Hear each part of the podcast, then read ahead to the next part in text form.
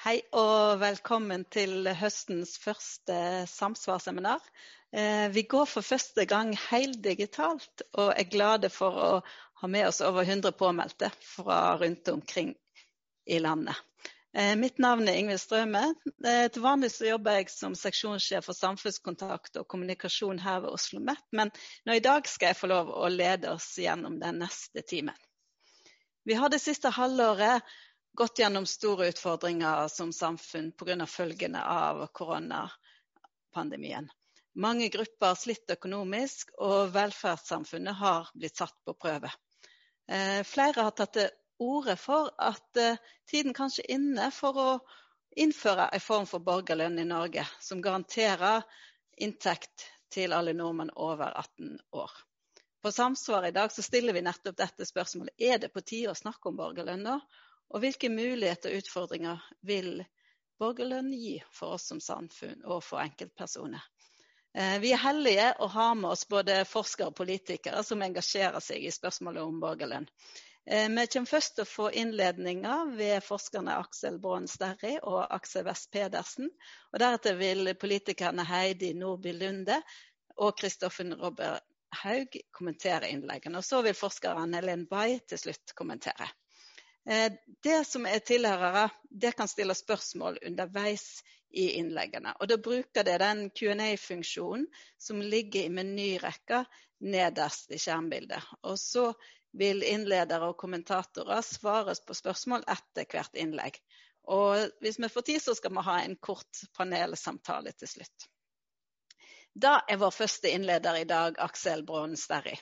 Eh, det kjennes sikkert som en aktiv samfunnsdebattant, og for tida er han gjennomføringsstipendiat i filosofi ved Universitetet i Oslo.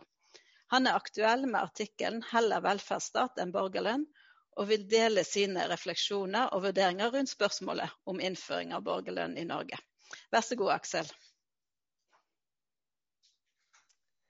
Tusen takk. tusen takk. Uh, ja, det er jo på en måte Punchline er jo gitt allerede, siden uh, tittelen jeg har på denne artikkelen min avslører at jeg er for å reformere velferdsstaten snarere enn å innføre en full borgerlønn. Og jeg kommer tilbake til disse ulike temaene. Men jeg har veldig stor sympati jeg vil si det, jeg har stor sympati for borgerlønn. Og det er mange år har jeg jobbet for jobbet rundt og tenker på liksom, hvordan vi kan innføre eh, i det minste verdiene som ligger bak borgerlønn eh, i velferdsstaten. Så la meg bare kjapt gå gjennom. Jeg har en liten powerpoint. Jeg har bare ti minutter på meg, så det blir raskt. Men vi får kjøre på. Um, som sagt så er uh, temaet borgerlønn, og jeg tror den eneste riktige måten å tenke om vi bør innføre borgerlønn i Norge i dag, er å sammenligne den med velferdsstaten. Vi kan ikke gjøre dette på prinsipielt grunnlag. Uh, verken kan vi avvise borgerlønn på prinsipielt grunnlag, og heller kan vi ikke argumentere for den på prinsipielt grunnlag. Men vi må sammenligne to alternativer mot hverandre. Borgerlønn eller velferdsstat, eller en forbedret versjon av velferdsstaten. Så først, hva er borgerlønn? Eh, det som skiller borgerlønn fra en del andre trygdeordninger, er at det er en garantert vilkårsfri inntekt. Så når du får f.eks. arbeidsledighetstrygd eller sykepenger, så får du det fordi du er syk eller mangler arbeid. Du greier ikke få annet arbeid. Borgerlønn derimot får du uavhengig. Du kan være lat, du kan være snill, du kan være slem, du kan ha masse penger, lite penger. Uansett får du en fast overføring fra myndighetene hver måned. Vi kan skille mellom full og delvis borgerlønn. I Alaska så har de delvis borgerlønn. De har en sånn form for sånn oljeformue sånn som vi har. Men istedenfor at pengene går inn til statsbudsjettet og fordeles deretter, så får heller borgerne en overføring eh, hvert år fra myndighetene. I 2018 tror jeg det var, så var den på 14 000 kroner. Det kan du selvfølgelig ikke leve av, og det er her den fulle borgerlønnen kommer inn. og Det er den vi ofte snakker om. Eh, det her er det snakk om at Du kan selvfølgelig tenke at en, en full borgerlønn skal være noe du kan leve av. og Da kan vi bare snakke om absolutt minimum. Men det de fleste har i tankene, er en borgerlønn det er mulig å leve et verdig liv i det samfunnet. Eh, og da må vi snakke om en borgerlønn på relativ fattigdomsgrensa. Og den kan ligge på rundt 230 000 kroner. Jeg er en tilhenger av delvis borgerlønn. Det er mange fordeler med det. Men jeg tror de fleste når de er opptatt av borgerlønn, er nettopp opptatt av denne fulle borgerlønnen som kan enten fungere til å supplere eller erstatte dagens velferdsstat, som kan gi verdig, eh, en verdig inntekt til eh, mange mennesker. Så det er den jeg skal diskutere. Hvorfor borgerlønn? Det ble jo introdusert her med koronakrisen. Det har på en måte definitivt dyttet borgerlønn enda eh, en gang på, på dagsordenen. Men jeg tror det som ligger bak det akkurat nå, er hovedsakelig et negativt eller pessimistisk syn på kapitalismens evne til å gi folk gode jobber. Eh, man er redd for at vi er i ferd med å få mer og mer prekære jobber. Folk må jobbe kanskje to jobber for å få, et, eh, for å få en god lønn. Man er også redd for automatiseringen, at robotene skal ta over jobbene våre. For dagens velferdsstat er avhengig av at folk jobber. Og det er bare når du ikke kan jobbe at du skal få eh, trygdeordninger. Hvis det er slik at veldig mange ikke kan jobbe, for det er for få jobber der ute, så virker den eh, modellen ganske absurd, og da virker en borgerlønn bedre. Men jeg tror også det er andre ting som gjør at mange tenker at selv i dag, for vi ser ikke ut til at vi har de store problemene i Norge, er det gode grunner til å innføre borgerlønn. Og jeg tror man kan samle fire av dem, iallfall i de fire friheter. Ikke EUs fire friheter, men noen andre fire friheter. Og den første er økonomisk frihet.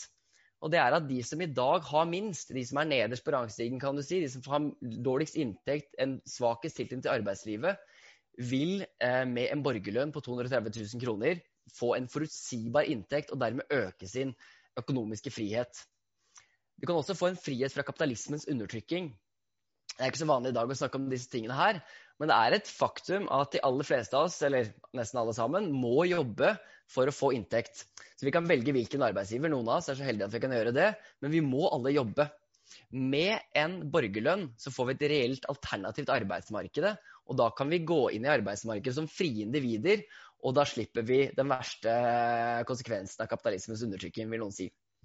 Den beste grunnen, tror jeg, er frihet fra stigma. Mange som i dag mottar trygdeordninger, opplever at det er stigmatiserende. Det skyldes at det å være trygda er stigmatiserende for mange. Men også det at du møter et byråkrati, en Nav-byråkrat, som du må rettferdiggjøre at du faktisk har et problem, et behov, eh, som så noen kan da enten tilfredsstille ikke. Og det skaper eh, lav verdighet, mener mange, og eh, oppleves stigmatiserende. En fjerde ting er at dette her eh, tillater flere å bestemme selv. Så det gjelder selvfølgelig da over pengene du får på trygd, men også kan man si at velferdsstatens tjenester er en form for formyndersk ordning. Så er det bedre at hver og en får pengene selv og kan bruke dem som de selv vil. En femte grunn er politisk og økonomisk robusthet. og Det er en del som sier at ordningen med borgerlønn er mer robust, politisk robust enn det dagens velferdsstat er. Og det er fordi i dag så betaler jo de som er arbeidsføre, betaler til de som er arbeidsuføre, og de som ikke greier å på en måte fø, for seg selv, kan man si. Mens med denne ordningen her så kan man si at alle får tilbake penger fra myndighetene, og dermed er det bedre. Noen vil også si at det er mer økonomisk robust, fordi eh, det vil frigjøre I dag så er det slik at mange sier at dagens trygdeordninger fungerer som trygdefeller. Fordi når eh, overføring fra myndighetene er knyttet til at du ikke kan jobbe, at du er syk, så betyr det at hvis du blir frisk eller du får deg jobb, så mister du pengene. Med borgerlønn så beholder du pengene selv om du begynner å jobbe. Og sånn sett kan da flere jobbe, og dermed så vil du øke arbeidstilbudet, vil noen si. Andre snakker om at entreprenører kan ta større risiko, stape mer verdier osv. Så, videre. så dette er alle gode grunner for å innføre borgerlønn, vil man si. Noen er mot av prinsipielle grunner. Eh, jeg tror likevel at eh, som at man vil tillate utnytting av de som arbeider, fra de som ikke arbeider. Jeg tror ikke det er en eh, veldig spesielt god grunn. Vi kan komme tilbake til det. Og jeg tror de beste grunnene mot likevel borgerlønn er at den har en viss sånn Schrødingers kvalitet. Og hvis vi nettopp antar at den, for den blir veldig veldig dyr eh, Nominelt sett så vil en borgerlønn på 230 000 koste samfunnet 930 milliarder kroner. Masse mer penger enn vi allerede i dag bruker på velferdsstaten. Så hvis vi antar at den da må erstatte iallfall store deler av velferdsstaten, så er det ikke sikkert at den egentlig virker mer økonomisk frigjørende, iallfall ikke for alle. Noen vil få det veldig mye bedre, de som har en veldig løs tilknytning til arbeidslivet. Eh, de som i dag går på sosialhjelp. Hvis du derimot får arbeidsledighetstrygd, så får du 60% av inntekten din eh, tilbake. Hvis du er sykepenger, så får du 100% av din tidligere inntekt eh, av myndighetene. Eller du er ufør, så får du to tredjedeler. Det er alle mye høyere, eller vanligvis er iallfall det mye mer sjenerøst enn det du vil få med en borgerlønn. Så de folkene som ikke kan arbeide, er syke, har legitime behov som de fleste mener at vi som samfunn bør dekke, vil kunne bli dårligere stilt hvis vi erstatter de ordningene med en borgerlønn. Man kan også dermed spørre seg om kapitalismens undertrykning egentlig vil reduseres. Fordi mange vil ikke være et reelt alternativ å tjene 230 000 kroner fra borgerlønn. Eh, det er derimot, hvis du kan få 100% i sykelønn, så er det et reelt alternativ til eh, arbeidslivet når du er syk. Så der er det på en vinn-tap i begge de situasjonene. Det er noen som kommer til å få økt frigjøring, mens det er noen som kommer til å få redusert frigjøring. Også dette med å bestemme selv er ikke helt klart at alltid funker, spesielt hvis vi antar at borgerlønnen skal erstatte f.eks. Velferdsstatens, velferdsstatens tjenestetilbud. Ta f.eks. barnehage. Det vil bli veldig dyrt for hver enkelt forelder eh, hvis de skal betale barnehage selv. Og Det skyldes både at sant, mange er unge og de har ikke oppspart seg den kapitalen eller den store inntekten. Så man kan se på velferdsstaten som en egentlig måte at vi låner av vårt framtidige jeg til vårt nåværende jeg for å kunne betale for barna i barnehagen. Men også løser en markedssvikt. For jeg tror de fleste av oss, selv om ikke vi har barn i barnehagen, vil jo gjerne frigjøre arbeidskraften til foreldrene. Og så vil vi gjerne at barna skal gå i barnehage for å bli gangs mennesker. Den betalingsvilligheten er ikke så lett å egentlig få mulighet for i et eh, privat marked. Så dermed så trenger vi velferdsstaten som en måte vi kan bestemme selv på en bedre måte enn det markedet kan tillate i den situasjonen. Det er også grunn til å tvile på at ordningen er politisk økonomisk robust. Og det har å gjøre med at mange vil nok svare meg nå, si jo jo, men nå tar jo du og vurderer, du tar jo vurderer borgerlønnen som et alternativ til velferdsstaten, men det er ikke det vi ønsker. Vi ønsker at borgerlønnen skal supplere velferdsstaten. Men hvis du supplerer borgerlønnen med velferdsstaten, så blir den vanvittig dyr. Og du må legge en ganske stor eh, skattebyrde på mange i middelklassen. Det tror jeg vil true den politiske og økonomiske bærekraften. Den økonomiske bærekraften først. Eh, det som er et problem eh, Noen sier nettopp at eh, mange flere kommer til å begynne å arbeide, men det er ganske god grunn til å tro at når vi først får en borgerlønn på 230 000, så er det en del som vil benytte den muligheten til ikke å arbeide. Det vil gjøre at færre sitter igjen i arbeidsmarkedet og må betale for denne ganske dyre borgerlønnen. Det betyr at man må øke skattene, som igjen gjør at det blir en økt skattebyrde på de som jobber, som gjør det relativt mer attraktivt å ikke jobbe. Flere igjen går på borgerlønn eller jobber mindre. Det igjen gjør at man må øke skattene enda en gang, og så vil enda flere se det som relativt mindre attraktivt eh, å jobbe, og dermed vil flere dette ut av arbeidsmarkedet. Så kan vi få en negativ økonomisk spiral.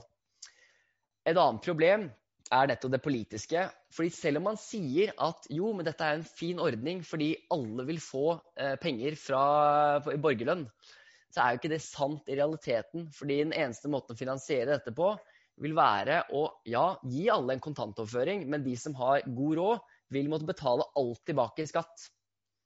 Så de vil ikke lenger få noen ting av myndigheten. Det vil se litt sånn ut, kanskje, men man vil også oppleve den økte skattebyrden. Og da vil dette her faktisk paradoksalt nok lide av en mindre politisk robusthet, fordi mange da i øvre middelklasse vil oppleve en veldig økt uh, skattebyrde, samtidig som man egentlig ikke får noe igjen for den borgerlønnsordningen selv. Så det er en fare for at den ordningen da er mindre politisk robust, for den gir mindre tilbake til middelklassen enn det velferdsstatens ordninger gjør. Bare for å avslutte, en, uh, bare for å avslutte, så tror jeg det er bedre grunner til å tro Altså, jeg tror vi har mer å gå på, siden borgerlønn er så utrolig dyr. Så har vi mye mer å gå på hvis vi bruker noe av det momentumet som, momentumet som ligger bak borgerlønnen. Noen av de verdiene som vi har lyst til å ivareta ved å innføre borgerlønn, og noen av de pengene som det koster å innføre borgerlønn, på å gjeninnføre noen av de gode prinsippene som lå bak velferdsstaten. Eh, og det var nettopp, det var ikke snakk om så stor, i stor, så stor grad aktivitetsplikt, det var ikke så stor grad snakk om arbeidslinje, men en form for tillit til brukerne som reduserer stigma. Vi kan gjøre det noe mer sjenerøst for de som er på de aller verste ordningene, sånn som sosialhjelpen. Det kan ligne litt mer på en borgerlønn, kan man se for seg f.eks. Så hvis man på en nettopp tar i bruk noen av de eh, elementene fra borgerlønnen, så vil det være en bedre eh, konkurrent i velferdsstaten, tror jeg. Så nå har jeg sikkert brukt opp tida og mer enn det, så da bare lar jeg meg avslutte det der. Så håper jeg vi kommer tilbake til mer greier etterpå. Tusen takk skal du ha, Aksel. Du har fått noen spørsmål her, så de må vi ta før vi går over til Aksel West Pedersen. Eh, det er Helene som spør. Eh, kan det være aktuelt med sykelønn i tillegg til borgerlønn for de som har for dårlig helse til å jobbe? Og hva legger du i begrepet Schrødingers kvalitet? Det var to spørsmål. Ja, la meg ta det Godt spørsmål. Veldig godt spørsmål. Og eh, la meg ta det første La meg ta det siste først. Eh, dette med Schrødingers kvalitet. Det jeg mener er at eh, borgerlønnen virker helt genialt så lenge du ikke fester den på papiret hva du faktisk ønsker deg. Så når man f.eks. snakker om ok, jeg ønsker meg gjerne en borgerlønn som skal gjøre at alle får det mye bedre, så ser man gjerne for seg at den skal supplere velferdsstatens ordninger tenker man dette blir jo bare mye bedre for de som har det aller verst. Så da får man alle de gode verdiene og ingen av de negative problemene. Unntatt at det blir veldig dyrt. Så sier noen jo, men det blir så dyrt.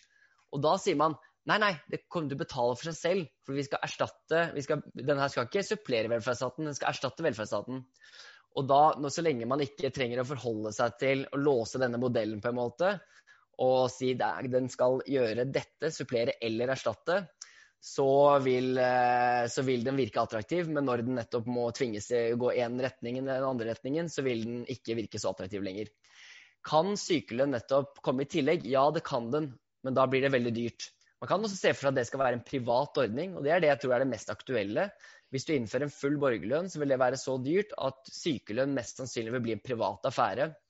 Og Hvis du gjør det til en privat affære, så lider du igjen av dette politiske robusthetsproblemet. For da vil middelklassen begynne å se at de må betale ekstra for å forsikre seg i markedet, mens man betaler for at andre skal få det bedre som ikke er en selv.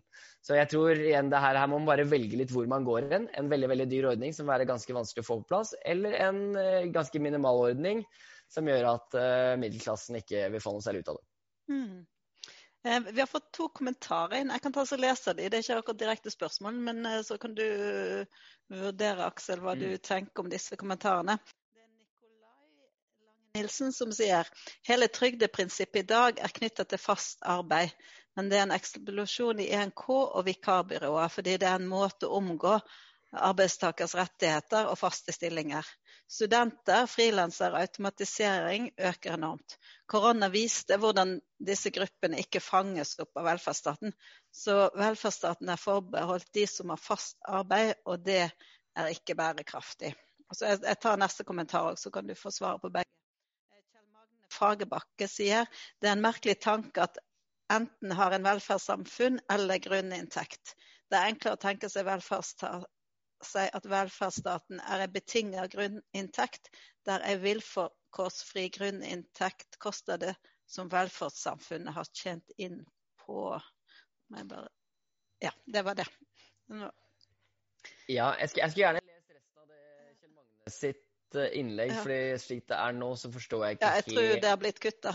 hva det Magne har noe å legge til, så kan du gjøre det. Men ellers så er det så er det, det, som Nikolai da tar ja. opp, at eh, eh, Jeg er enig. Så, så, dette er et eh, godt poeng, Nikolai. Altså, det er jo nettopp det som er utgangspunktet, som gjør borgerlønn mer attraktiv for veldig mange i dag. er jo nettopp det at man er redd for at disse jobbene ikke er stabile nok. Det ikke er nok av disse eh, måte, gode jobbene til å gå rundt, og dermed så bryter på en måte velferdsstatens eh, du kan jo si liksom grunntanken ned. At man bare skal hjelpe de som i perioder ikke kan forsørge seg selv, men så skal man tilbake i arbeidet og igjen bygge opp rettigheter som man så kan liksom, eh, hvile på i de periodene det går gærent. Men hvis det er slik at vi går en framtid i møte hvor det er veldig veldig mange mennesker som ikke får en fast tilknytning til, arbeidslivet, som har ha enkeltpersonsforetak, ikke vil få en spesielt eh, god situasjon overfor f.eks. at de jobber innenfor et datterselskap i byggebransjen og sånt noe, så kan man se for seg at en god ordning på dette her etter hvert, hvis det blir mange nok som er i den situasjonen, at man tvinges nærmest over i en borgerlønnsordning. Jeg vil imidlertid advare mot det, for det fins andre måter å løse disse problemene på enn å bare si at vi skal ha en borgerlønn. Det fins måter å prøve å eh, angripe det uorganiserte arbeidslivet også. Og det tror jeg vi må gjøre i mye større grad. Se nettopp på bruken av datterselskaper i byggebransjen. Se på hvordan ulike, om det kan være i eh, pressebransjen, bruker uh, f.eks. frilansere altfor mye. Er det mulig å regulere de tingene der, slik at flere får et fast ansettelsesforhold? Så det er bare se på andre muligheter i tillegg. Flott, takk skal du ha, Aksel. Nå ser jeg tida løpe fort når vi snakker om spennende tema. Um, vi går over til neste innleder. Eh, vi gleder oss nå til å høre professor ved Oslo MET, Aksel West Pedersen. Han har bakgrunn som statsviter og forsker bl.a. på utviklingen i pensjonssystemet og på velferdspolitikkens konsekvenser for nettopp inntektsfordeling og fattigdom. I dag vil han introdusere borgerlønn light, et forslag inspirert av det finske borgerlønnseksperimentet. Hvor er ditt, Aksel. Mitt utgangspunkt for denne diskusjonen ligner litt på Aksel Brånen Sterris. Jeg har i mange år vært en slags nølende sympatisør med, med tanker tanke rundt borgerlønn, uten å være en entusiastisk uh, tilhenger. Uh, jeg skal snakke litt her nå om noe jeg tror kan være en, en mulig vei for en borgerlønnsidé i, i, det norske samfunnet. og det ligner litt på det Aksel nevnte, det, altså en delvis borgerlønn uh, som et supplement, uh, delvis erstatning til den eksisterende velferdsstaten. skal vi se Ja, nå får jeg ikke bladd i min Jeg får ikke blad i min presentasjon. Den står stille nå på skjermen. Så skal vi se.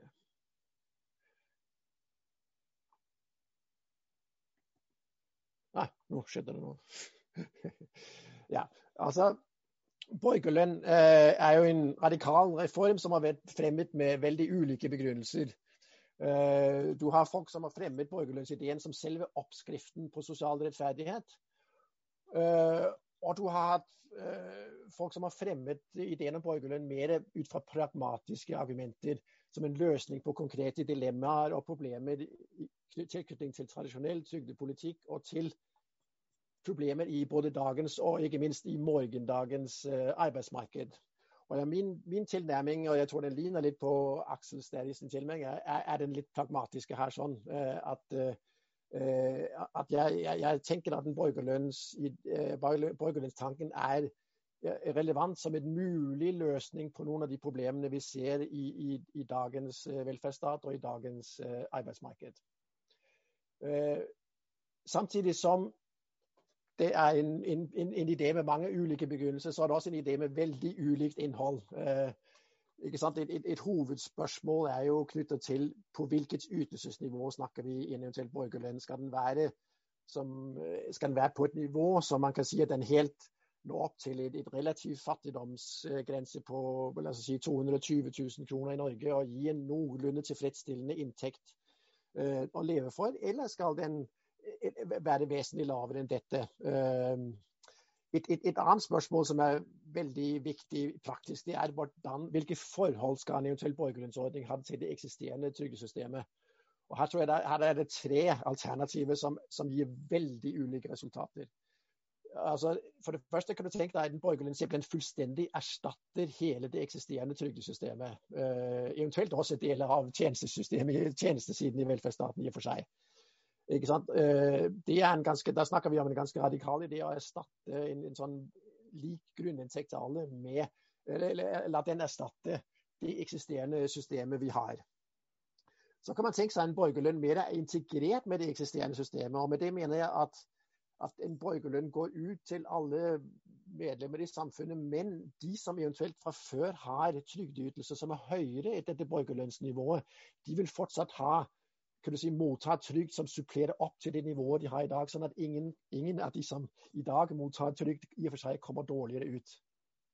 Uh, kall det en slags samordning, at borgerlønnen samordnes med det eksisterende trygdesystemet. Og Så kan man til slutt tenke seg en borgerlønn på ulike nivåer som fullstendig kommer som et, som, som et helt tillegg til, til eksisterende trygder. Så, så det, det, er, det, er, tre veldig, altså, helt avgjørende alternativer å, å velge imellom hvis man, når man skal diskutere en, en borgerlønn i Norge. Så kan man tenke seg ulike avgrensninger. Den, den, den, vanligste varianten for en borgerlønn er jo at den går ut til alle voksne individer. Det finnes eksempler på også at man kunne foreslå å, å avgrense det noe snevrere, f.eks. til borgere som på en eller annen måte viser at de er aktive i samfunnet, at de i hvert fall står til rådighet for arbeidsmarkedet osv. Det har vært forslag rundt det. Man kan tenke seg en mer veldig avgrenset borgerlønn som bare går ut til barnefamilien. og Jeg skal si litt mer om det. for Jeg vil egentlig si at dagens barnetrygd, som ganske visst er på et veldig beskjedent nivå, kan ses på som en slags borgerlønn, men til barnefamiliene i Norge. Så Hvis vi igjen, eller videre ser litt på varianter av borgerlønn, så har du den øverst den fulle borgerlønn på et tilstrekkelig nivå. La oss si rundt 220 30 000 kroner, tilsvarende denne, denne, denne uh, grensen som EU trekker for, for, for, det å være under risiko for fattigdom. Den kan så eventuelt helt erstatte, eller den kan være integrert med, altså samordnet med det eksisterende trygdesystemet. Og den går da ut til alle voksne. ikke sant? Men så er det noen andre ideer som er relevante, og det er der jeg skal uh, si litt mer om etter hvert. Du kan tenke deg en mer partiell borgerlønn som ikke pretenderer å være helt på et tilstrekkelig nivå å leve for i seg selv. Uh, og En sånn ordning den kan enten være integrert med uh, i det eksisterende trygdesystemet, eller den kan komme som et supplement i tillegg til det eksisterende trygdesystemet. Helt, helt på toppen. Eh, den kanadiske eh, borgerlønnen som, som, Aksel eh, stadig snakket om, er en sånn partiell borgerlønn som egentlig kommer inn som et supplement til det for øvrig er av, trygdesystemet i det, i, det, i, det amerika, i det, amerikanske føderale systemet. Og til slutt så kan du tenke deg en borgerlønn som er mer begrenset til barnefamilier. Og som, som, som, i og for seg vi kan si den norske den dagens barnetrygd er litt en sånn ordning, men da, jeg, da, tenker jeg nok på ordninger som er litt mer substansielle, har et høyere nivå, som dekker enten hele eller deler av levekostnadene eh, for et barn. Og som kommer, og som kommer som et supplement eh, til det eksisterende eh, trygdesystemet. Grunnen til at jeg mener at man eventuelt skal diskutere en sånn delvis variant av en sånn delvis borgerlønn, det er at det er, er med utgangspunkt i, problemer i det eksisterende trygdesystemet. Uh, vi har i vårt system en veldig sterk beskyttelse mot inntektstap ved helsesvikt. Men det er ganske store problemer med å avgjøre hvem som kan og hvem som ikke kan jobbe. Vi, vi har noen som helt åpenbart ikke kan jobbe, og så har vi noen som åpenbart kan jobbe, men så er det veldig store gråsoner her imellom. Og det er veldig store problemer knytta til den, den, den, den si, avgrensningen som er nødvendig hvis vi, vi skulle, hvis vi skulle hatt et system som veldig klart sorterte mellom de som har behov, og de som ikke har behov Eh, for helserelaterte trygder. Så har vi samtidig en veldig relativt svak beskyttelse mot arbeidsledighet i vårt system. Vi har ganske strenge inngangsvilkår for å komme inn i arbeidsledighetstrygden. Uh, studenter, deltidsansatte, midlertidig ansatte og sånne har ingen rettigheter. Det har vi nettopp sett i, i koronakrisen avslørt uh, mer. Og vi har, i og for seg, da har vi da i og for seg ganske visst en sosialhjelp som kunne plukke opp disse menneskene, men det er en ytelse som er veldig eh, lite attraktiv for eh, folk å motta, som, som bare gis på veldig ydmykende og lite tilfredsstillende vilkår, vil jeg si. Eh, så kan man si at vi i vårt system i de senere årene har for å løse noen av disse problemene har, har begynt i større grad å bruke tvungen aktivering som en slags kontroll- og rasjoneringsmekanisme som skal sørge for at vi målrette stønadene til de som faktisk har behov, ved å hele tiden konfrontere dem med aktiveringskrav, sånn at vi får sortert vekk de som ikke har behov, og bare uh, rette stønaden inn mot de som har behov. Men det mener jeg også er, det er en måte å rasjonere trygdene på som er både veldig kostbar og som er veldig inngripende i folk, folks liv. Og Til slutt så har vi tilløp vil jeg si, til fattigdomsfeller i vårt system. altså Situasjoner hvor, og særlig gjelder det for barnefamilier, hvor faktisk det å komme seg fra, gå fra trygd til jobb i relativt liten grad betaler, eller hva skal man si, lønner seg rent økonomisk. og Det er et tankekors, øh, vil jeg si, i hvert fall i, de tilfellene hvor det ikke er helt åpenbart at, at, at folk, om kan, folk, ikke kan jobbe eller, eller, ikke vil jobbe, at man som en lavlønnsmottaker eller en lønnstaker på lav lønn ikke kommer noe særlig bedre ut enn om man hadde trukket seg helt ut av arbeidsmarkedet. Så en full borgerlønn likevel så jeg si en full er neppe uh, aktuell i Norge. Uh, og der er vi helt på linje med Axel Steady. Altså, der, der, er to alternativer. Altså, man kunne tenke seg at en, en, en, en full borgerlønn ville være integrert med det eksisterende trygdesystemet. Uh, og det ville Nettokostnadene for en sånn ordning vil fullt komme opp i 500 milliarder kroner som skulle hentes inn ved økte skatter på de yrkesaktive. Uh, og det, det, det, er, det, vil fort bli altså som sagt, det, vil åpenbart vil jeg si, i den aktuelle situasjonen være, bli for dyrt. Og Samtidig så kunne man tenke seg den alternative varianten det er den hvor man simpelthen bare legger, legger ned hele det eksisterende trygdesystemet og innfører en sånn full borgerlønn. Den vil bli mer kan man si, økonomisk mulig å gjennomføre, men den vil samtidig være mener jeg, også sosialt og politisk uakseptabel, fordi den vil rett og slett redusere og til ganske mange mennesker som åpenbart ikke kan jobbe, og som kommer vesentlig bedre ut i vårt eksisterende system. Uh, derfor så tror jeg, altså som sagt så tenker jeg at en, et forslag om en slags delvis, jeg kaller det partiell, det er bedre å kalle det en delvis borgerlønn, kan være relevant å diskutere. Det har vært diskutert i Finland. Folk har sikkert hørt, eller Mange har hørt om det finske borgerlønnseksperimentet. og Det tar egentlig utgangspunkt dette eksperimentet i en idé om en partiell borgerlønn, som er ikke nødvendigvis til å leve av alene, men som ligger på et sted altså si under, under 100 000 kroner per år. Det er da en ordning som er integrert med det eksisterende trygdesystemet, sånn at det samordnes. Sånn at Hvis du i utgangspunktet har høyere trygd, så, så, får du den høyere trygden. Uh, uh, og så er det en ordning som i det finske tilfellet så har det ikke vært veldig diskutert hvordan en sånn ordning egentlig skulle finansieres. Men det må man tro er en sånn ordning må simpelthen finansieres ved en generell økning i skattesatsene på, på, på lønnsinntekt. Sånn at, du, at, du, at, at du, du, må akseptere ved innføringen av en sånn ordning at marginalskatten og gjennomsnittsskatten på lønnsinntekt vil, vil, vil øke noe i, i hele samfunnet. Allikevel så kan det være grunn til å gjøre dette fordi det vil forbedre insentivene og fjerne fattigdomsfeller i tilknytning til det eksisterende trygdesystemet.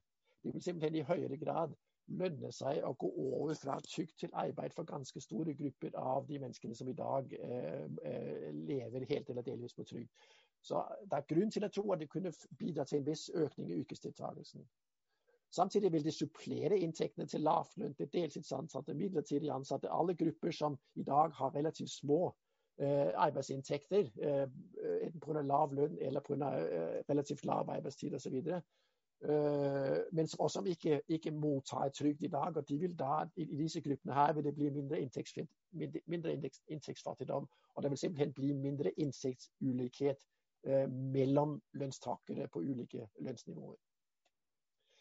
Selve det svenske eksperimentet derimot, det var langt mer beskjedent enn dette.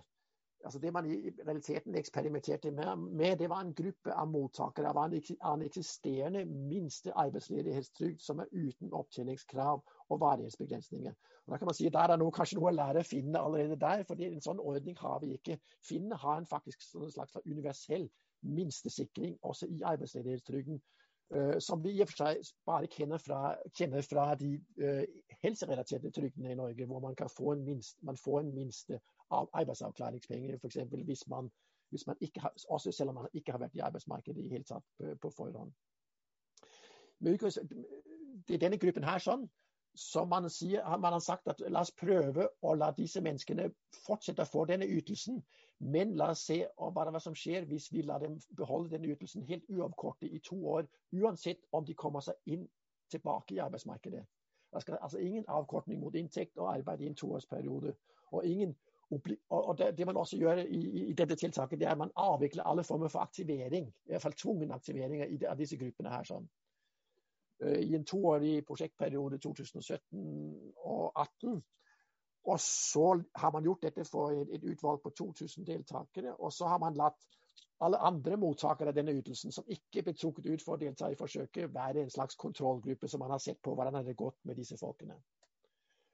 Og Det som nå eh, har, har kommet fram med hensyn til resultatene, er da at man ser at det er ikke veldig spektakulære altså Man kunne ha trodd at, at, at, det å få lov til å beholde en sånn trygd samtidig med at du går ut i jobb, ville gjøre at veldig mange ville gå ut i arbeid eh, av, av denne gruppen. her sånn.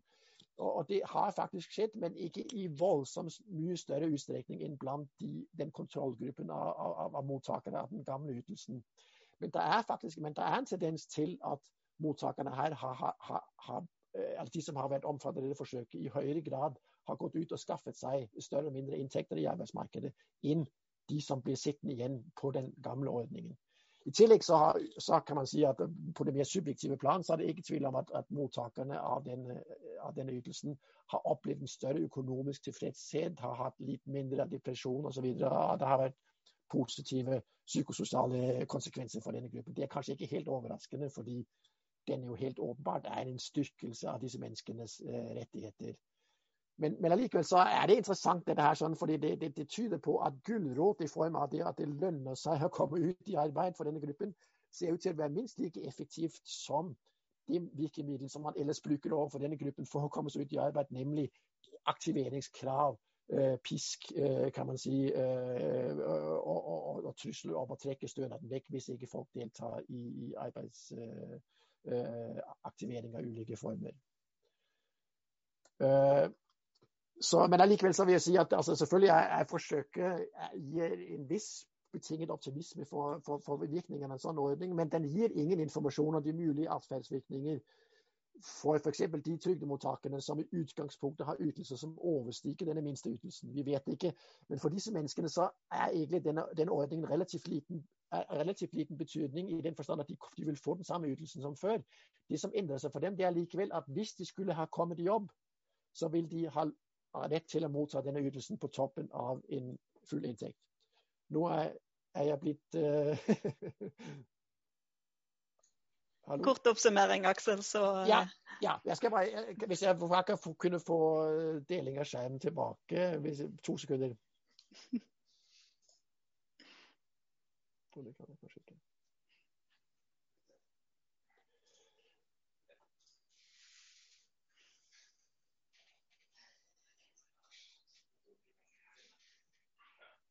Nei, altså jeg vil si at En sånn ordning har noe for seg. Den kan fjerne fattigdomsfeller og øke gevinsten ved overgang til arbeid. Den, kan, den vil øke marginalskatten på høyere inntekter, for den må finansieres ved å skatte høyinntektstakerne høyere. Men det vil samtidig øke progressiviteten i det samlede trygde- og skattesystemet. Uh, og den vil føre tror jeg, til høyere yrkesdeltakelse i noen grupper, men det er en fare for redusert arbeidstilbud også blant uh, høyinntektsgruppene. og Det er selvfølgelig en, en kostnad. Og, og, og, igjen så må man spørre om den politiske legitimiteten til en sånn ordning. Beklager, det jeg gikk over tid. Det går fint. Takk skal du ha, Aksel West Pedersen. Det er interessant å høre hvordan de har uh, gjort uh, eksperiment i Finland, og om dette kan være relevant for Norge òg. Det har kommet noen kommentarer inn, men jeg tror vi sparer de. Nå går vi rett på kommentatorene våre. Og med oss uh, nå til å kommentere Borgerlund og presentasjonene vi har hatt fra innlederne, har vi nå først stortingsrepresentant og leder av Oslo Høyre, Heidi Nordby Lunde. Vær så god. Tusen takk for det, og tusen takk for to eh, veldig gode innledninger om et tema som eh, jo har blitt reaktualisert, vil jeg påstå, eh, med noen av de erfaringene som vi har gjort oss i forbindelse med det vi har sett i kjølvannet av koronaepidemien. Jeg tenker til å begynne, begynne, med, begynne, på den positive siden. Da. Jeg tenker jo at det er et stort potensial for å forenkle og forbedre mange av de ulike innretningene som vi har på støtteordninger i ytelser, tjenester i det norske velferdssystemet. Det er ofte vanskelig å forstå. Det er krevende å sette seg inn i, men kjenner ikke til sine egne rettigheter. Og selv saksbehandlere på Nav har jo problemer med å orientere seg i dette systemet. Så en stakkars politiker har jo også har, eh, Hvor veldig mange forventer at vi skal kunne detaljene i alle de ytelsene og ordningene vi har, så, så, er det krevende å sette seg inn i selv for, selv for oss. Så jeg mener at det er et stort potensial i å forenkle og forbedre det vi allerede har, eller om vi da skal erstatte det med en borgerlønn. Så er det, um, som Nikolai var uh, inne på i sitt spørsmål, koronaen viste jo altså at det, er, det har kanskje synliggjort en del huller eller utfordringer med systemet når vi ser resultatene av pandemien og også forventninger til eh, hva slags støtteordninger man kvalifiserer til. Selvstendig næringsdrivende f.eks., som selv er ansvarlig for å, eh, å, betale sykepenger, eller de får ikke sykepenger før dag 16, oppdaget jo at når dag livsgrunnlaget forsvinner fra eh, en dag til en annen, så blir det krevende. Men de, selv om de da betaler mindre inn egentlig til, i, i trygdeavgift, så forventer de allikevel det samme ut. Og Det betyr jo at vi kan ha en større debatt, hvor kanskje borgerlønn kan være en, et element, eh, tenker jeg da. Så vet vi også at det er mange ordninger og ytelser som vi har som ikke lenger er eh, relevante eller er foreldede. Det kan gå på kvinners deltakelse i arbeidslivet, som, hvor noen ytelser er knyttet opp til mannens arbeidsdeltakelse. Og faktisk motsatt. Vi hadde en ordning her nylig som egentlig ble vedtatt fjernet av regjeringen Brundtland nemlig kontantstøtte eh, sats null til, eh, til, støtte til hjelp i hjemmet, men ble da eh, fjernet endelig for ett eller to år siden. En del av den rekken som veldig mange kaller usosiale kutt, men altså har egentlig langt på vei blitt erstattet av at kommunen tilbyr tjenester som, som hjemmehjelp til sterkt reduserte egenandeler. Så når vi skal forstå det norske ytelsessystemet og støttesystemene, så må vi også forstå at noe er kontantytelser, noe er rettighetsbasert, eh, og som er livsvarige ytelser, og noe er også omdefinert til tjenester. Så Den liberale inngangen vil jo typisk vært å si at en kontantytelse som borgerlønn er, gir jo da betydelig personlig frihet. Og med tillit til at den enkelte kjenner best til hvilke prioriteringer den må gjøre. Men vi vet jo at det er en veldig god liberal eh, tanke. Men det er jo ofte en grunn til at mennesker som har falt litt utenfor, faller ytterligere utenfor. Nettopp fordi at man kanskje ikke alltid er i stand til å håndtere sin egen livssituasjon der og da. Og da kommer vi jo opp i det dilemmaet med om man skal gi kontantytelser, eller om man skal gi mer målretta tiltak og, og støtte så er det ikke et liberalt uh, prinsipp at uh, alle andre har retten på fruktene av ditt arbeid. Dvs. Si at man kan kunne leve av en inntekt som ikke man selv har, uh, har jobbet, jobbet, for. Og I tillegg så har vi ytelser som står rett og slett rett mot hverandre. Altså Vi ønsker å gi insentiver til at folk skal delta i arbeidslivet. Samtidig som jeg må innrømme at mitt eget parti er jo da for en kontantstøtte til unge arbeidsføre mennesker med barn som står i motsetning til nettopp det at alle som kan delta i arbeidslivet, bør delta i arbeidslivet. Men jeg mener jo at det alltid har vært viktig uh, at det lønner seg å arbeide, fordi at uh, det å gå, ha et arbeid å gå til er så mye mer enn bare en inntekt. Og det har vi jo sett under pandemien også. Folk savner det fellesskapet som, uh, som arbeidsplassen gir deg. I tillegg til alle de andre godene og helsebringende godene det er til å komme seg ut, være i kontakt med andre, andre mennesker. Så tanken om borgerlønn er sympatisk, men det er nok en grunn til at selv i de landene hvor det har vært testet ut, som i Finland, eh, så er det ikke videreført og ikke innført. Um, og det er mange grunner til, grunner til det. Men jeg syns vi skal ta lærdom av bl.a. Eh, det vi har sett under pandemien. Fordi det har synliggjort en del huller i de systemene som, eh, som vi har. Vi har annet, vi oppfordrer folk til å stå lenge i arbeid, eller lengre i arbeid. Men allikevel så stopper dagpenger ved arbeidsledighet ved, um, du, når du fyller 67 år. Fordi vi antar at du da går over til, uh, til uh, pensjonistenes rekker. Mens vi oppdaget at veldig, svært mange og svært mange f.eks. Uh, selvstendig næringsdrivende driv, uh, har jo sin egen virksomhet til godt over de er 70 år gamle. Så vi må få disse ytelsene til å følge følge med det vi faktisk mener politisk er uh, riktig å gjøre, gjøre også. Uh, så er jo da dilemmaet dette med universelt utformet borgerlønn kontra en fordelende velferdsstat. Um, og den fordelende velferdsstaten er jo en blanding av universelle ordninger, sånn som f.eks. barnetrygd, og målretta tiltak, som f.eks. reduserte satser i barnehagen eller gratis barne, barnehage. Um, som, uh, som, en uh, ja, som, som, jeg mener er mer riktig. Så jeg er nok uh, langt på vei mer enig med, med Sverige at vi må reformere velferdsstaten og sørge for at den er, er velfungerende, og ikke gå over på et radikalt tiltak som å innføre full, full borger, borgerlønn. Og Da kan vi se litt på kostnadsbildet også, som begge innlederne har vært, vært inne på.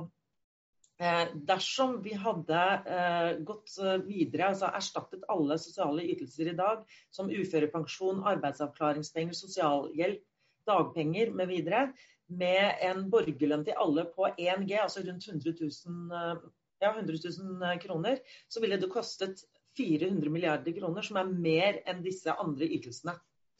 Uh, og det gjør det jo krevende uh, å gjøre, fordi at klarer vi å målrette dem godt nok. Uh, I tillegg til at jeg mener at det er en egenverdi at noen av de andre ytelsene har noen krav i seg til deltakelse og aktivitet, som jo er kontroversielt, men som vi mener faktisk bidrar til at folk kommer lettere tilbake eller har kontakt med arbeidslivet. Um, enn om man blir gående på en egentlig passiv ytelse. Men jeg bare avslutter med at, at uh, velferdsstatens dilemma er jo det at vi er avhengig av at flest mulig står i arbeid for å finansiere vår felles velferd.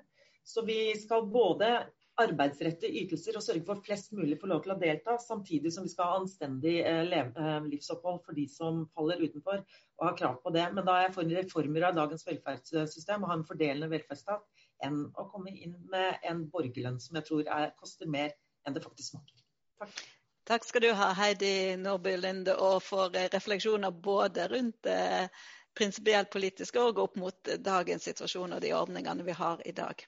Neste kommentator er Kristoffer Robin Haug. Han er fylkesråd for kollektiv i Viken fylkeskommune, og han er helsepolitisk talsperson for Miljøpartiet De Grønne. Ordet er ditt, Kristoffer. Tusen takk. Jeg må bare presisere litt at jeg er nylig avgått fylkesråd for kollektiv i Viken. De Grønne ble kastet ut av fylkesrådet fordi vi nekta å være med på å bruke 17 milliarder av fellesskapets penger på en motvei mellom Oslo og Bærum oppå den som allerede ligger der i dag, så fylkestingspolitiker er der. Eh, jeg pleier å bruke begrepet grunninntekt eller basisinntekt, det mange kaller borgerlønn. Jeg syns det er mer dekkende. Eh, og Diskusjonen i dag er jo veldig fokusert på én ting. Eh, det er jo å sammenligne aspekter ved en modell for basisinntekt med dagens velferdssystem. Det er mye positivt med velferdssystemet, og det er jo noen støtteordninger man nok vil trenge uansett. Hvis du er lam fra nakken og ned, så vil du trenge mer støtte og innsats enn andre. Men nedsiden her i dagens system er jo dette Nav-systemets fokus på kontroll, fokus på det å holde tilbake tilgang til goder. Eh, og alle er jo enige om at slik bør det ikke være, men det er jo fortsatt slik. Eh, og vi må spørre oss selv om det er fordi selve systemet vi har laget ikke er egnet til å løse oppgaven. Jeg hører det er mye frykt for hva en basisinntekt vil koste. Eh, men det folk vil ha, er jo ikke en størst mulig sum fra staten, det er jo et best mulig liv. Eh, og Et eksperiment i Storbritannia tidligere på 2000-tallet, der de gav grunninntekt til hjemløse, eh, viste jo at de trengte betydelig mindre penger når de fikk pengene direkte, enn det samfunnet allerede brukte på dem gjennom forskjellige ytelser. Men hvis vi løfter blikket litt i denne diskusjonen om basisinntekt, hva er de store utfordringene samfunnet vårt står overfor? Eh, teknologiselskaper jobber jo i dag febrilsk for å erstatte nær sagt alt fysisk arbeid med fysiske roboter, og det meste av kontorarbeid med digitale roboter. Og bare for å gjøre det helt klart, roboter er ikke middelklassen.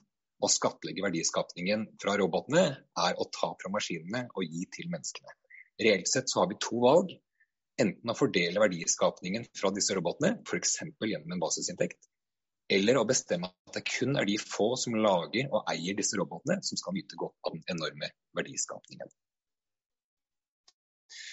Eh, for å møte fremtiden så er det jo mange politiske tanker der ute. Arbeiderpartiet og Høyre har jo begge sagt at for å møte fremtiden må vi jobbe mer. Men hva i all verden skal vi da jobbe med? Jeg mener at vi bør utvikle og ikke minst utprøve nye modeller nå, før de virkelig store effektene treffer oss. Allerede i dag så er en stor andel av jobbene folk har, fylt med veldig lite faktisk mening. Hvor mange av rapportene du skriver til sjefen din, som kanskje selv er en brand equity manager, bidrar egentlig til å lage mat til å mette de som sulter? Hvor mye bidrar de egentlig til å hjelpe de som er syke, eller gi selskap til de som er ensomme, eller gi kunnskap til de som vil vokse? Hva gjør det med deg å vite at det du bruker mesteparten av din våkne tid til, det som sliter deg ut dag etter dag, virkelig bidrar så lite til å hjelpe dine medmennesker at du hadde gjort mer nytte for deg av å hjelpe en gammel dame over veien og gått deg en tur i parken. Da hadde du i minste bidratt til folkehelsa. Nå setter jeg det veldig på spissen, men det jeg vil frem til er at noe av det som fort forsvinner når vi kun holder basisinntekt opp mot velferdsbudsjettet, er alle de andre delene av samfunnet. Alle de andre budsjettene der en basisinntekt har store konsekvenser. Inntekt er jo nettopp de store positive konsekvensene på mange områder av livet, også utover selve arbeidssituasjonen. Selv om også filmen-eksperimentet viste at de med basisinntekt også jobber mer i ordinært lønnsarbeid enn de gjør. Ta f.eks. fysisk og psykisk helse, som jeg er veldig opptatt av. Dette er en av de raskest voksende utgiftene samfunnet har. Eh, Eksempelet fra Dauphin i Canada ble testet med basisinntekt, viste at helseutgiftene gikk ned med over 8% Det er potensielt astronomiske kostnadsbesparelser på helsebudsjettet. Og Våre politikere kommer snart til å stå overfor et dilemma. Enten så må vi la velferdsutgiftene fortsette å vokse, for å dekke et stadig økende behov. Eller så må vi bruke unnskyldningen økonomisk ansvarlighet for å kutte tilskuddet til noen av de som trenger det. Men det fins altså en annen vei, og borgerlønn eller basisinntekt kan være en del av denne veien. Jeg mener at det mest ansvarlige å gjøre i en situasjon med store utfordringer og lite informasjon, som vi er i nå, er å skaffe håndfaste data. Vi må teste ut løsninger som basisinntekt i ulike modeller. Flere av dem er diskutert her i dag. For å finne andre løsninger enn de vi har i dag, som vi vet ikke vil kunne møte fremtiden. For å sitere fysikeren Nils Bohr Unperformed experiments have no results. Forskerne her bruker begreper som borgerlønn light osv., selv så liker jeg å snakke om forskjellige modeller for basisinntekt, men hva vi kaller det, er ikke så viktig. Poenget er at det ansvarlige å gjøre nå, er å sette i gang, prøve ut modeller i praksis, så vi ser hva som fungerer best, slik at vi kan få et system med basisinntekt opp og gå før fremtiden treffer oss med full styrke og feier bort alle de som ikke fanges opp av dagens system. Basisinntekt tar opp i seg alt ulønt arbeid som gjøres av foreldre, pårørende, venner, familie og lokalsamfunn gjennom frivillig innsats, men uansett så er verdien av et menneske mer enn hva man kan levere i arbeidstimer. Og da burde ikke muligheten for å dekke sine egne grunnleggende behov være direkte avhengig av leverte arbeidstimer. Tusen takk skal du ha, Kristoffer Robin Haud, og for noen offensive tanker rundt eh, borgerlønn og basisinntekt. Da har vi med oss siste kommentator. Jeg vil bare si at det er veldig flott at det deltar i debattene her på spørsmål og svar våre. Aksel er aktiv med å svare dere ut. Vi får litt dårlig tid til å ta det muntlig, så derfor er det veldig flott at det bare stiller spørsmål skriftlig, så tar vi de etter hvert her. Men nå skal Annelien Bay få slippe til. Hun er professor ved Oslo OsloMet, og hun er siste kommentator ut på dagens tema. Vær så god, Anne Helen. Ja, takk, eh, takk, for å få ordet, og takk for eh, interessante eh, innledninger fra hovedinnlederne og kommentarer.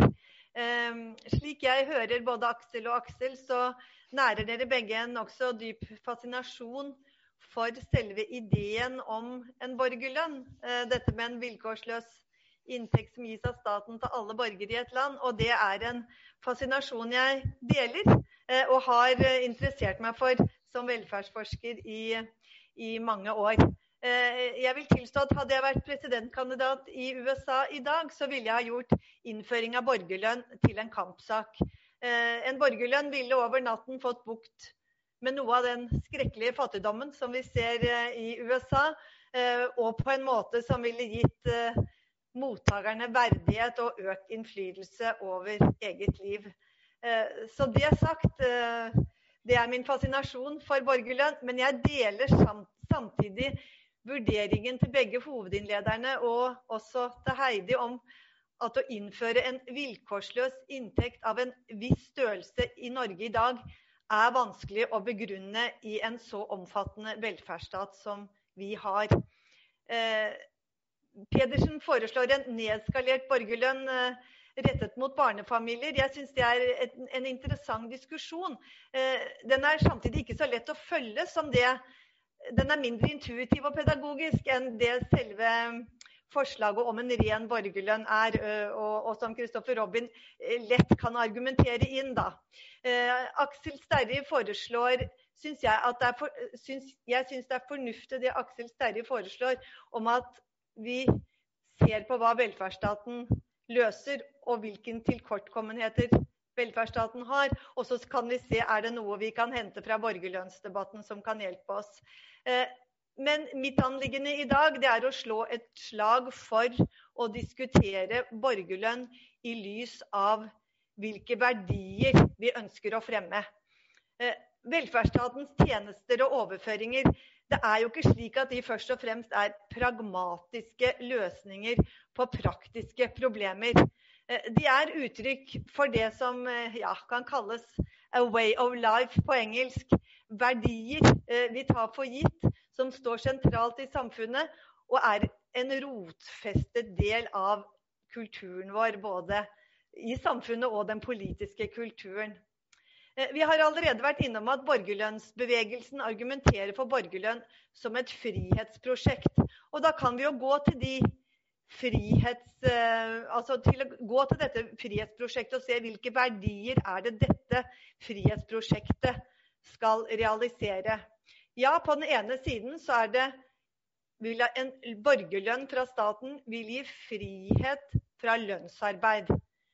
Og samtidig vil den gi frihet til aktiviteter som i dag er ulønnet, slik som økt omsorg for egne barn og andre familiemedlemmer, og frivillig arbeid i nærmiljø og organisasjoner. Kristoffer Robin var også inne på disse aspektene.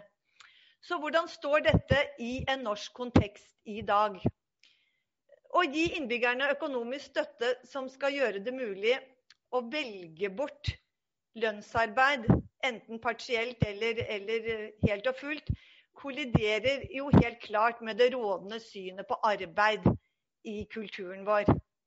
Eh, I Norge er det bred enighet om at arbeid er et gode. Eh, det skal sikre integrasjon i samfunnet, inntekt og selvrealisering for den enkelte. Det er det bred enighet om og en forståelse av. Så kan vi jo stille spørsmålet har vi lagt for stor vekt på arbeidets betydning for det gode liv og det gode samfunn? Vi snakker ikke så ofte om det. Det kan hende vi bør gjøre det. Eh, om vi så skulle ende opp med at løsningen er borgerlønn, det er jo ikke sikkert. Men det er interessant å, å, å diskutere. Likestilling mellom kvinner og menn er en annen sentral verdi. Velferdsstaten har tatt over en rekke oppgaver som tidligere ble utført av kvinner i familien. Eh, så kan vi spørre vil muligheten for mer tid til omsorg og familie gjennom kontantoverføringer, altså en borgerlønn eller noe annet, føre til en tilbakegang for kjønnslikestillingen? Eller er vi nå så likestilte at både kvinner og menn kommer til å ta del i den uformelle innsatsen? Dette er et relevant spørsmål i debatten om borgerlønn. Jeg vil anta, Aksel West, at den også er relevant for forslaget ditt om, om eh, en slags borgerlønn til barnefamilier. Vi kjenner den jo igjen fra kontantstøttedebatten. Å stimulere til økt frivillighet vil også representere en verdimessig dreining av velferdsstaten. Eh, hvis vi går tilbake, så ser vi at mange av de oppgavene som tidligere lå til frivillige organisasjoner, det har under oppbyggingen av velferdsstaten blitt overtatt av stat og kommuner. Så hvis vi nå ønsker å oppgradere det frivillige arbeidet gjennom å støtte ubetalt arbeid gjennom borgerlønn eller på annen måte, så må vi også ta en debatt om hvordan vi bør fordele oppgaver mellom det offentlige og sivilsamfunnet. For her må det jo foregå en trade-off. Takk for oppmerksomheten.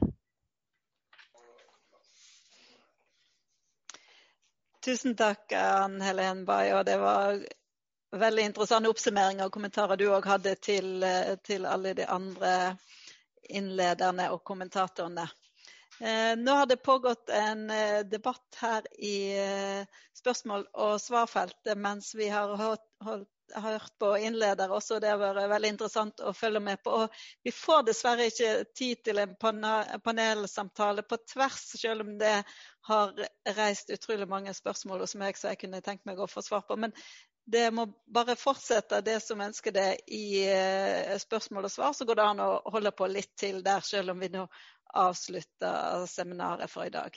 Jeg vil takke spesielt eh, innlederne og kommentatorene for gode innlegg og gode refleksjoner, som viser også at det, dette spørsmålet har mange sider.